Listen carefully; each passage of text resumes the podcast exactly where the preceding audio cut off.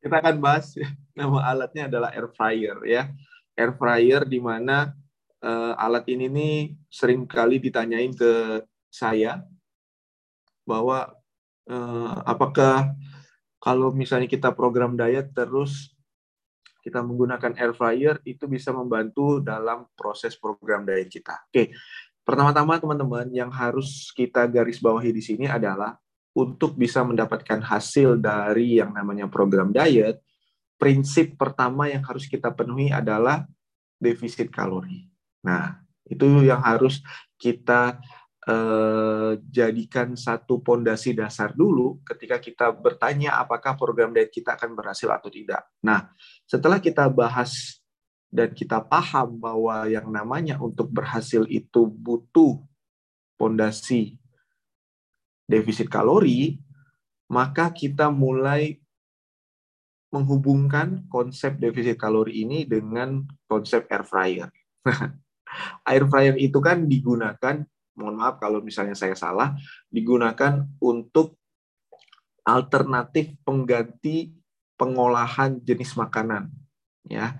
Dan salah satu yang bisa digun, uh, yang bisa digantikan adalah penggunaan minyak goreng yang katanya kalau kita pakai air fryer itu nggak uh, nggak perlu lagi ditambahin minyak, ya. Dan maka dari itu kita bisa mengambil benang merahnya yang di mana kalau misalnya kita menggoreng makanan dengan minyak yang jelas banget kalorinya tinggi, maka kalau kita menggunakan air fryer, secara otomatis penggunaan minyak akan berkurang. Sehingga kalori yang berlebihan atau potensi kalori yang berlebihan dari minyak yang kita gunakan untuk menggoreng otomatis juga akan berkurang. Uh, jadi ya teman-teman bisa tarik kesimpulan. Apakah bisa digunakan untuk program diet? Jawabannya bisa. Tapi kita nggak akan bahas itu aja. kita akan bahas. Jadi sebenarnya uh, air fryer ini nih pro dan kontra juga teman-teman. Saya lihat di artikelnya. Ya, ada yang bilang uh, bagus, ada yang bilang uh, hati-hatilah segala macam. Nah, kita akan bahas pagi hari ini. Jadi saya ketemu artikel, sebentar saya uh, buka dulu artikelnya. Mana artikelnya ya? Guys. Oke.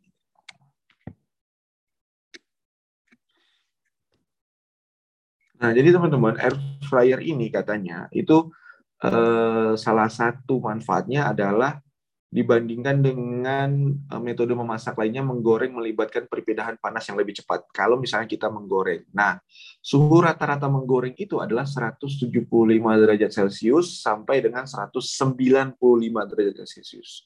Di mana teman-teman? Teman-teman harus garis bawahi, ini merupakan temperatur tinggi yang saat kita menggoreng itu bisa menyebabkan kerusakan kerusakan protein dan karamelisasi karbohidrat. Maksudnya gimana? Maksudnya gini teman-teman. Ada banyak teknik menggoreng di luar sana. Um, grill, terus sautening, diungkep, direbus. Nah, menggoreng adalah salah satu teknik pengolahan masakan. Akan tetapi, ketika kita menggunakan suhu yang terlalu tinggi pada saat kita menggoreng, secara tidak langsung kita merusak protein dan melakukan yang namanya proses karamelisasi karbohidrat. Dampaknya apa? Nah, dampaknya adalah kalau teman-teman eh, apa namanya melakukan proses pemasakan yang di mana teman-teman hanya mendapatkan rasa tapi teman-teman tidak mendapatkan nutrisi yang cukup, otomatis teman-teman hanya sekedar makan. Nah, itu kalau kata kata Adera itu kita tuh makan sekedar makan doang. Kita nggak dapetin lagi nutrisi dari makanan tersebut. Yang disebabkan oleh apa? Yang disebabkan oleh teknik menggoreng yang keliru yang kita gunakan. Nah, jadi teman-teman ada juga nih eh, dibilang di artikel ini, hasil reaksi malat itu menyebabkan cita rasa makanan yang digoreng jadi enak. Ya. Renyah dan aromanya khas. Wah, pantas pantesan kita agak agak-agak gimana gitu dengan uh, gorengan ya.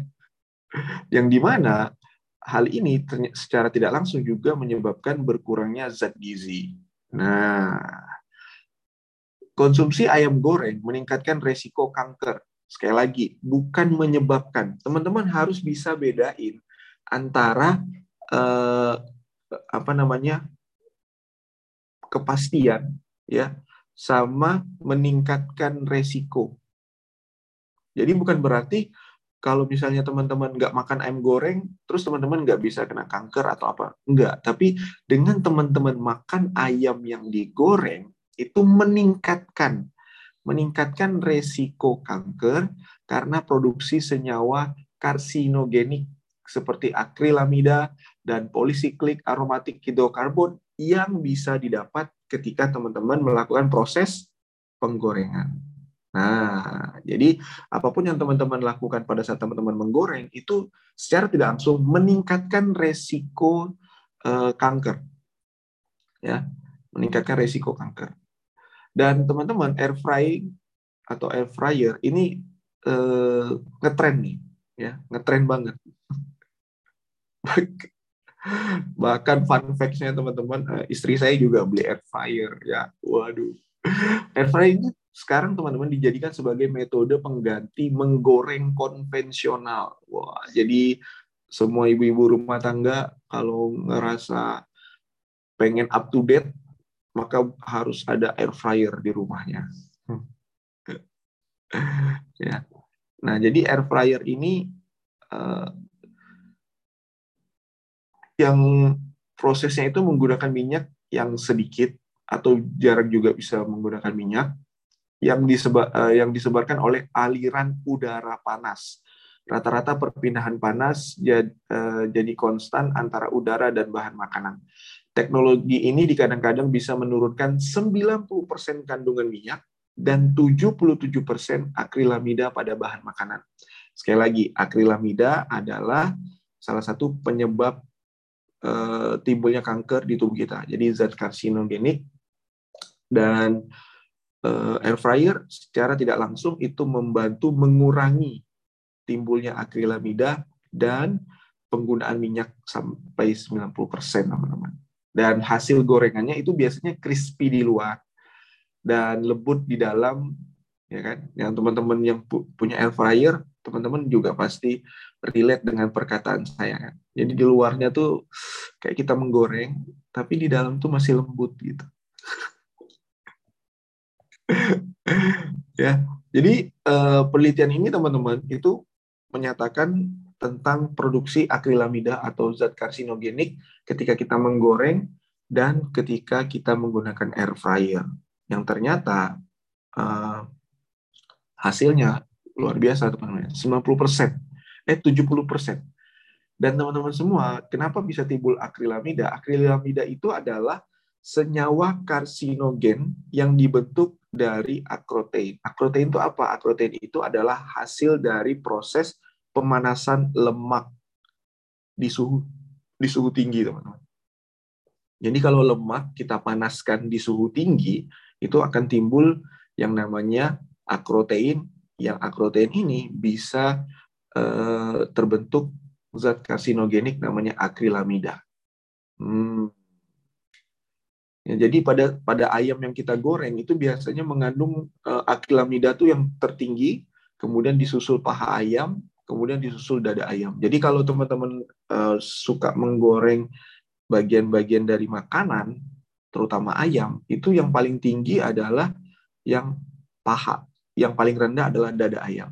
Nah, saya pakai air fryer tapi hasilnya saya lebih suka dengan cara memanggang pakai teflon. Yes, bebas, betul banget KR-nya Calvin. Kalau saya saya nggak suka pakai air fryer karena air fryer listriknya wattnya mahal. Jadi teman-teman kita nggak bahas tentang uh, kesukaan kita menggunakan teknik masak, tapi kita di sini fokus dengan yang namanya sebenarnya air fryer itu uh, bisa nggak sih bantu program diet kita? Apakah dia adalah salah satu kebutuhan wajib atau kayaknya ya nggak pakai air fryer juga nggak masalah? Oke, mari kita mulai. Itu tadi sekedar uh, ininya doang, intermezzonya doang. Sekarang Mari kita buka uh, itu ya teman-teman.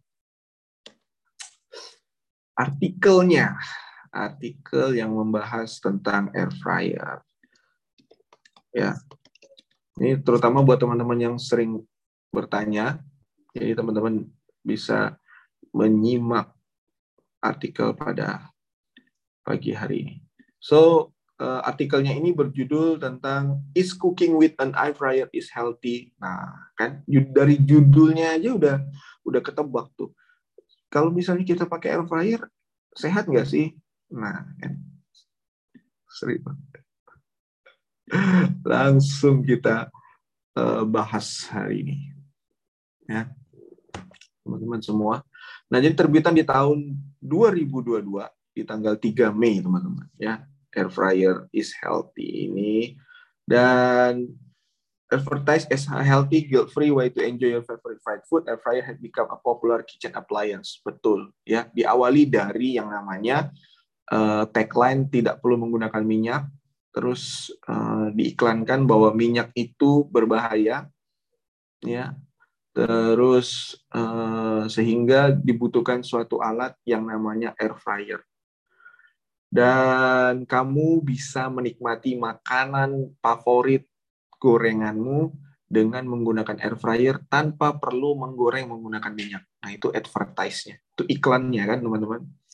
Ya, many claim that they help lower the fat content of popular foods like french fries, chicken wings, empanada, and fish sticks. Dan masih banyak lagi orang-orang yang ngeklaim bahwa kalau kita menggunakan air fryer itu secara tidak langsung bisa menurunkan kadar lemak di makanan tersebut. Hmm, menarik sekali ya bahasa iklannya.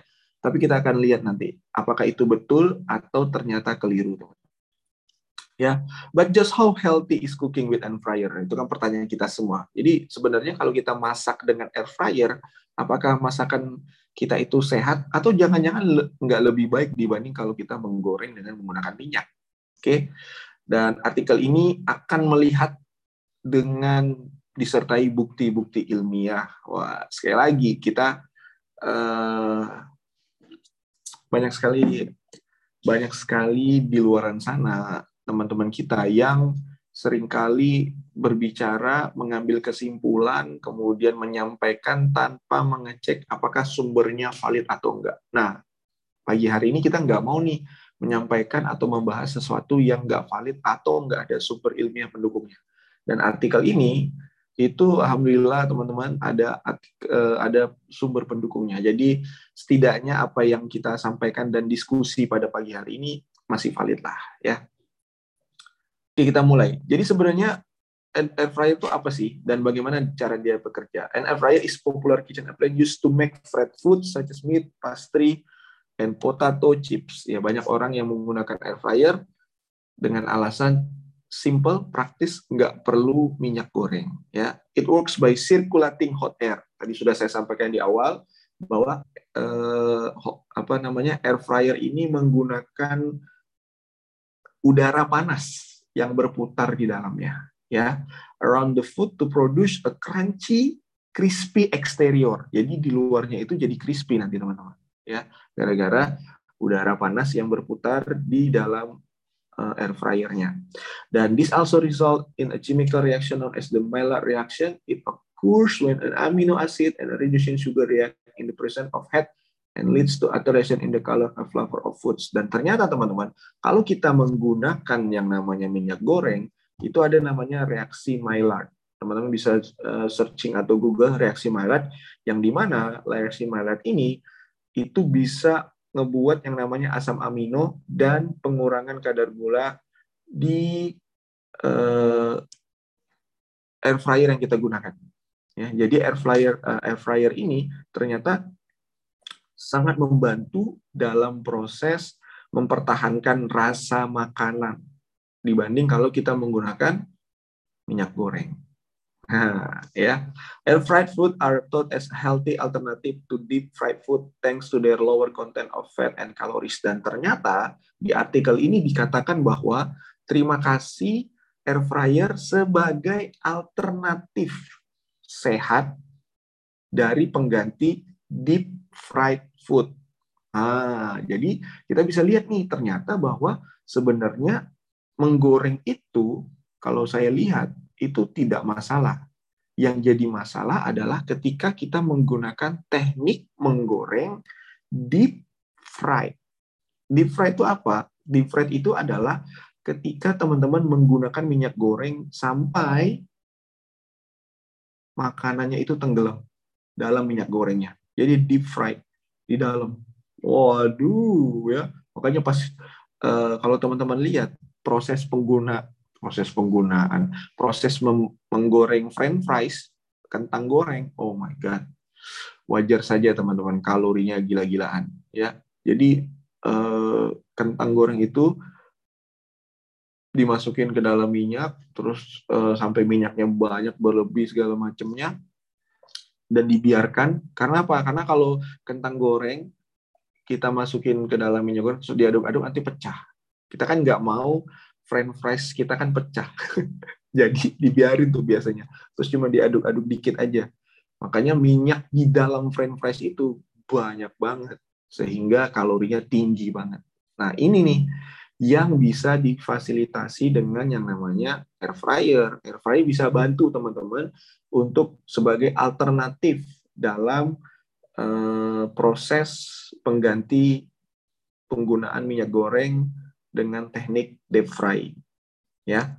Dan instead of completely submerging to food in oil, air frying require just a tablespoon 15 ml of oil to achieve a similar taste and texture to deep fried food. Nah, jadi kalau teman-teman masih uh, mau menggunakan air fryer dan masih pengen nambahin minyak goreng, itu teman-teman sebenarnya cukup menggunakan 15 mili dari minyak aja untuk mendapatkan rasa yang sama dan tekstur yang sama ketika teman-teman menggunakan teknik deep fry.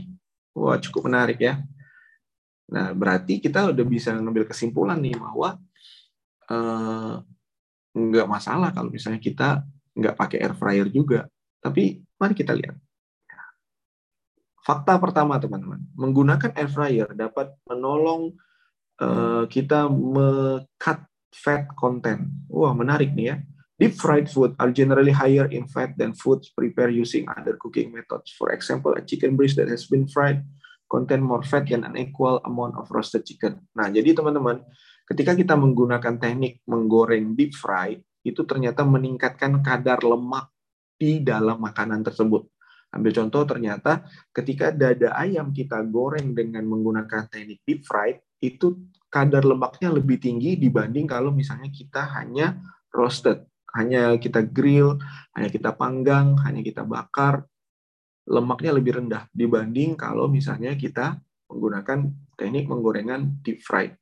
Nah, dan some brands claim that using an fryer instead of deep fryer can help cut the food fat content by up to 75%. Beberapa merek air fryer itu ngeklaim teman-teman, ngeklaim bahwa kalau teman-teman menggunakan mereknya itu 75% kadar lemak dalam makanan itu tidak uh, akan turun atau tidak bertambah. This is because air fryer requires significantly less fat for cooking than traditional deep fryer. Salah satu sebabnya adalah kalau teman-teman menambahkan minyak ke dalam air fryer sedikit aja, itu teman-teman udah bisa mengurangi banyak lemak yang akan masuk ke dalam makanan ketika teman-teman menggoreng makanan tersebut menggunakan deep fryer. Sehingga teman-teman artinya deep fryer use up to 50 kali lebih banyak minyak dibanding air fryer. Nah, jadi faktanya kalau kita menggunakan teknik menggoreng deep fry atau menenggelamkan makanan dalam minyak tersebut dibandingkan dengan kita menggunakan air fryer yang hanya cukup 15 mili eh, minyak aja kalau teman-teman mau tambahin itu ternyata kadar lemaknya ketika kita menggoreng itu 50 kali lebih banyak dibanding kita menggunakan air fryer. Oh, oh, oh, oh, oh. Even though the food doesn't absorb all of that oil, using an air fryer can significantly cut down on the overall fat content. Nah, jadi kalau kita menggunakan uh, apa namanya air fryer itu kita bisa mengurangi penyerapan lemak lebih banyak dibanding kalau kita menggunakan teknik menggoreng deep fry. Dan beberapa penelitian teman-teman membandingkan karakteristik ketika kita menggunakan deep fried, teknik menggunakan deep fried dan menggunakan air fryer. Ternyata ditemukan fakta bahwa and a final product with substantially less fat and less crispy texture but a similar color and moisture content. Jadi dibandingin nih uh, menggunakan minyak goreng sampai uh, makanannya tenggelam terus menggunakan air fryer. Ternyata rasanya hampir sama, kemudian eh, apa namanya moisture kontennya, bentuknya juga hampir sama, tapi yang membedakan adalah kadar lemaknya lebih rendah ketika kita menggunakan air fryer. Kayak gitu guys. Loh, berarti air fryer bisa mengurangi kadar lemak. Ya iyalah, secara logikanya aja teman-teman. Kalau kita menggunakan teknik deep fry, otomatis lemak-lemak yang ada di minyak akan terserap di makanan kita. Tapi kalau kita menggunakan air fryer, yang mana air fryer ini hanya menggunakan uh, udara panas yang berputar dan sedikit aja minyak, otomatis kandungan lemak makanannya akan jauh lebih sedikit dibanding kita menggoreng uh, dengan menggunakan teknik deep fry ya sampai tenggelam. Dan ini ternyata teman-teman memiliki dampak yang signifikan terhadap kesehatan kita. Beberapa penelitian menyarankan bahwa dengan kita mengambil atau mengkonsumsi lebih banyak lemak dari vegetable oil atau minyak minyak-minyak yang dari sayuran ini itu ternyata diasosiasikan berhubungan dengan peningkatan resiko terbentuknya inflamasi atau peradangan di dalam tubuh kita dan salah satu uh, resiko paling tinggi adalah sakit jantung. Tapi jangan ditelan bulat-bulat guys, ya. Di sini dikatakan bukan pasti, tapi resiko. Resiko peningkatan uh, penyakit jantung dan inflamasi di dalam tubuh kita. Ya, peradangan. Nah, terus kita masuk ke fakta yang kedua apakah dengan mengganti teknik menggoreng kita dengan menggunakan air fryer itu bisa ngebantu kita dalam penurunan berat badan. Ada-ada aja. Mari kita cek teman-teman ya. Fried food are not just higher in fat, but they are also higher in calorie and may contribute to, and contribute and may contribute to weight gain. Nah, jadi teman-teman sebenarnya yang dibu eh, yang ngebuat air fryer itu bisa ngebantu kita turun berat badan adalah kemampuan air fryer untuk mengurangi kandungan lemak berlebih di dalam makanan yang kita makan dibanding kalau kita menggoreng makanan tersebut. Ya, satu uh, satu penelitian menemukan bahwa uh, menemukan data bahwa a higher intake of fried food was associated with greater risk for obesity. Jadi ada satu penelitian menemukan fakta bahwa salah satu penyebab ini bukan penyebab utama teman-teman ya. Tolong digarisbawahi salah satu penyebab terjadinya obesitas adalah eh, terlalu banyak makan makanan yang digoreng. Hmm. Ya, sekali lagi, salah satu penyebab bukan berarti makan makanan yang digoreng sudah pasti obesitas, belum tentu. Tapi salah satu penyebab terjadinya obesitas adalah makan makanan yang digoreng. Kayak gitu. Apakah saya masih makan makanan goreng? Saya mau masih, masih lah, nggak masalah makan makanan goreng buat saya. Ya. Nanti kita akan sampai di konklusi atau kesimpulan akhir.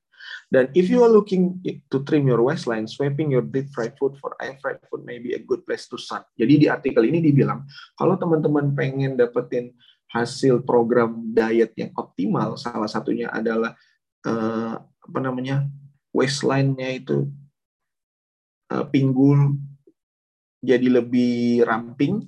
Salah satu cara untuk memulainya di, dengan cara mengganti, teman-teman, mengganti teknik makan makanan yang gorengan dengan uh, menggunakan makan makanan yang air fry.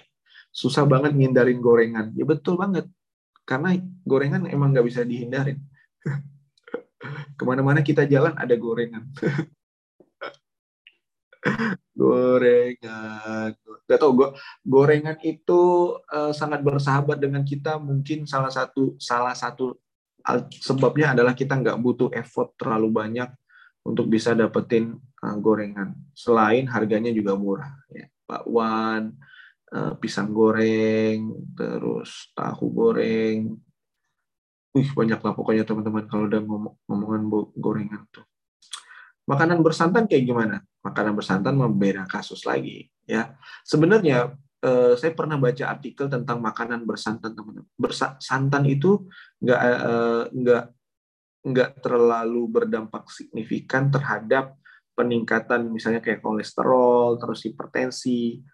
Tetapi yang menjadi berdampak lebih parah itu karena santan itu dipanaskan berkali-kali. Terus santan itu diguna, eh, dikonsumsi dalam dalam jumlah banyak dalam waktu uh, yang rutin. Nah, jadi teman-teman bisa bayangin santannya itu dipanaskan terus berkali-kali, kemudian dikonsumsi terus setiap hari, terus yang satu lagi di, dikonsumsi dalam jumlah yang banyak, porsi banyak. Ya, itu. Jadi sebenarnya nggak ada nggak ada yang salah dengan santannya, man. Santan mah biasa-biasa aja. Tapi kita yang Eh, mengkonsumsi santan ini yang justru membuat santan jadi berdampak negatif buat tubuh kita. Ya. Jadi kita lanjut lagi teman-teman. Clocking in a 9 calorie in every gram of fat, dietary fat content over twice as many calories per gram as other macronutrient like protein and carbohydrate. Ini penting banget teman-teman ya. Jumlah kalori per gram antara protein dan karbohidrat itu kurang lebih sama. 4 kalori, empat sekian lah kalorinya ya. Tapi kalau lemak itu dua kalinya teman-teman, kurang lebih 9 kalori lebih. Itulah sebabnya kalori minyak lebih tinggi dibanding kalori makanan-makanan yang lain. Nah, nah, jadi banyak orang tuh yang suka kan sama-sama makan, apa sih bedanya? Ya, makan makanan dengan kandungan minyak atau kandungan lemak yang lebih tinggi otomatis punya kalori yang lebih tinggi. Dan tadi kita udah bahas di awal bahwa prinsip dasar dari yang namanya diet apa? Untuk dapetin turun berat badan defisit kalori teman-teman. Ya. Jadi ini penting banget untuk kita paham bahwa makanan yang mengandung lemak yang tinggi otomatis kalorinya juga pasti tinggi. Dan karena air fry air fryers itu bisa mengurangi kandungan lemak yang diabsorb atau diserap dari minyak, otomatis dengan teman-teman mengganti ya, mengganti teknik menggoreng deep fried dengan air fryer adalah salah satu cara untuk teman-teman bisa memotong kalori harian teman-teman dan menolong teman-teman untuk manage berat badan teman-teman. Ah, Menarik kan? Jadi kalau ditanya, apakah air fryer itu bisa membantu saya turun berat badan? Jawabannya bisa. Tapi kalau teman-teman nggak pernah makan makanan yang digoreng, apakah teman-teman masih butuh air fryer? Aduh, habis saya ini dipotong, wah, terus dikirim ke produksi-produksi produsen air fryer. Wah, ternyata kamu nggak Eh, menyebarkan isu yang tidak benar ini air fryer. Enggak lah. Saya di rumah juga masih ada air fryer guys.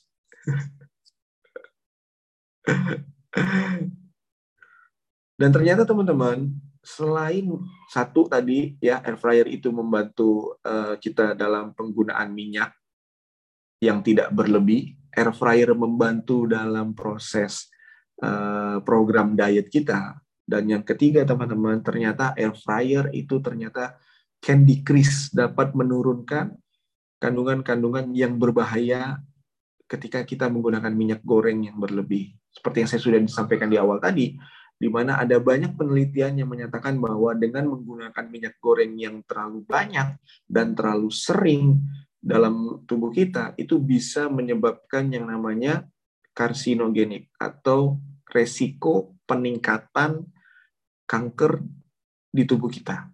Ketika kita terlalu banyak uh, mengkonsumsi makanan-makanan yang menggunakan proses digoreng, teman-teman. Ya, tadi saya sudah sebutkan di awal ada akrilamida, ya. Akrilamida itu tadi juga disebutkan juga dari akrotein. Akrotein itu juga sudah disebutkan sumbernya dari pemecahan asam lemak dan gliserol, kemudian uh, dari uh, karbohidrat juga, sehingga dengan kita menggoreng secara tidak langsung kita ngebuat tubuh kita mengkonsumsi terlalu banyak zat-zat karsinogenik yang kita masukkan sendiri ke dalam tubuh secara sadar ya. Kenapa? Kan secara sadar nih kita kan nggak nggak tiba-tiba gorengan masuk ke dalam mulut gorengan pasti butuh perantara. Ya. Dan air fryer your food instead of using a deep fry may help lower the acrylamide content. In fact, one older study found that air frying reduced acrylamide by up to 90% compare with traditional deep frying. Jadi, ketika kita menggunakan air fryer, kita bisa menekan timbulnya akrilamida kurang lebih sampai 90% dibanding kalau kita menggunakan minyak goreng yang berlebihan pada saat kita menggoreng makanan atau masakan kita, teman-teman. Wow, nice. Itu fakta dari uh, air fryer. Dan benefitnya apa menggunakan air fryer? Sudah tadi di awal disebutkan, ternyata air fryer makanannya lebih sehat dibanding kita menggunakan teknik menggoreng yang minyaknya berlebihan. Ya, terus makan makanan yang kita proses menggunakan air fryer itu lower in fat, ya rendah lemak, kemudian kalorinya rendah, and even some potential harmful harmful compounds that are found in traditionally fried foods tidak ditemukan atau uh, ditemukan dalam jumlah yang rendah dibanding kalau kita menggunakan minyak goreng yang berlebihan. Nah, ya, it also worth of considering that since an fryer uses less oil than the fryer, it might be easier to spring for higher quality but more expensive oil, such as avocado oil. Jadi katanya air fryer juga bisa ngebantu teman-teman dalam hal Eh, manage penggunaan minyak goreng. Yang di mana minyak goreng ini seperti yang teman-teman ketahui cukup mahal harganya. Ya, ini teman-teman bisa alternatif eh, bolak-balik ganti dengan menggunakan minyak goreng atau menggunakan air fryer. Dan itu tadi pro-nya teman-teman. Ini sekarang kita bahas kontranya. Kontra dari penggunaan air fryer. Ya, walaupun banyak orang yang bilang ketika kita menggunakan air fryer itu lebih sehat daripada kita menggunakan uh, makan makanan yang digoreng dengan penggunaan minyak yang berlebih, ternyata teman-teman ada satu penelitian yang bilang bahwa uh, kalau kita menggunakan air fryer itu kurang lebih butuh waktu yang lama dibanding kalau kita langsung goreng makan makanan tersebut, ya kan? Uh, dan in addition to require a longer cooking times, air frying food tends to produce a slightly different taste and less crispy consistency than deep frying. Nih orang-orang yang kontra nih teman-teman, itu ternyata lebih fokus pada durasi masak. Jadi dia bilang, kalau kita pakai minyak goreng, itu tinggal dicemplungin aja, terus kurang lebih waktunya 9 menit, teksturnya udah crispy, habis itu udah cukup dibanding kalau kita menggunakan air fryer. Air fryer itu kurang lebih 21 menit untuk bisa dapetin uh, tekstur yang sama, rasa yang sama daripada uh, ketika kita menggunakan teknik deep frying atau menggunakan minyak goreng yang berlebih sampai makanannya tenggelam dalam minyak tersebut. Dan it is important note that while frying reduced to formation harmful chemical like acrylamide and adverse glycation and products compared to deep frying, air fried foods do contain these chemicals then salt dan should be limited in your diet. Nah, jadi dia bilang juga bahwa sebenarnya kalau kita program diet nggak perlu-perlu amat tuh air frying, teman-teman. Ya, kenapa? Karena sebenarnya kita bisa mengatur makan makanan yang masuk ke dalam tubuh kita tanpa perlu adanya bantuan air fryer. Itu yang kontranya ya. Dan kesimpulan akhirnya teman-teman, bottom line-nya ini kita udah sampai di sesi akhir. An air fryer is healthier option that deep frying food can be an intensive way to fry not only meats and potato but other nutrition foods such as broccoli, yams, tofu, or eggs. Jadi teman-teman, intinya adalah air fryer adalah option option atau alternatif pemilihan dengan menggunakan teknik memasak yang jauh lebih sehat dibanding kalau teman-teman menggoreng makan makanan menggunakan teknik deep frying. Jadi daripada pakai deep frying, mending pakai air fryer. Ya, dan dengan menggunakan uh, air fryer, otomatis teman-teman bisa mengurangi lemak yang diabsorb dari minyak, kemudian kalori otomatis juga akan berkurang, dan beberapa zat-zat makanan karsinogenik yang timbul dari ketika kita menggoreng terlalu lama. Hmm, ya. So itulah itulah kesimpulan dari menggunakan uh, air fryer, teman-teman. Hah, menarik. Jadi uh, kayaknya udah kejawab deh. Kalau ditanya apakah perlu menggunakan air fryer, jawabannya bisa masing-masing teman-teman. Tapi kalau buat saya pribadi, kalau teman-teman dari awal memang jarang sekali melakukan atau menggunakan teknik menggoreng, ya udah berarti nggak perlu-perlu amat air fryer. Tapi kalau teman-teman sering kali menggoreng makan makanan teman-teman, ada ada baiknya teman-teman nggak ada salahnya. Ya teman-teman punya air fryer dan mengganti proses menggoreng itu yang menggunakan minyak dengan menggunakan air fryer. Ya kayak gitu. Nah, tapi buat kalau saya air fryer mah wattnya gede.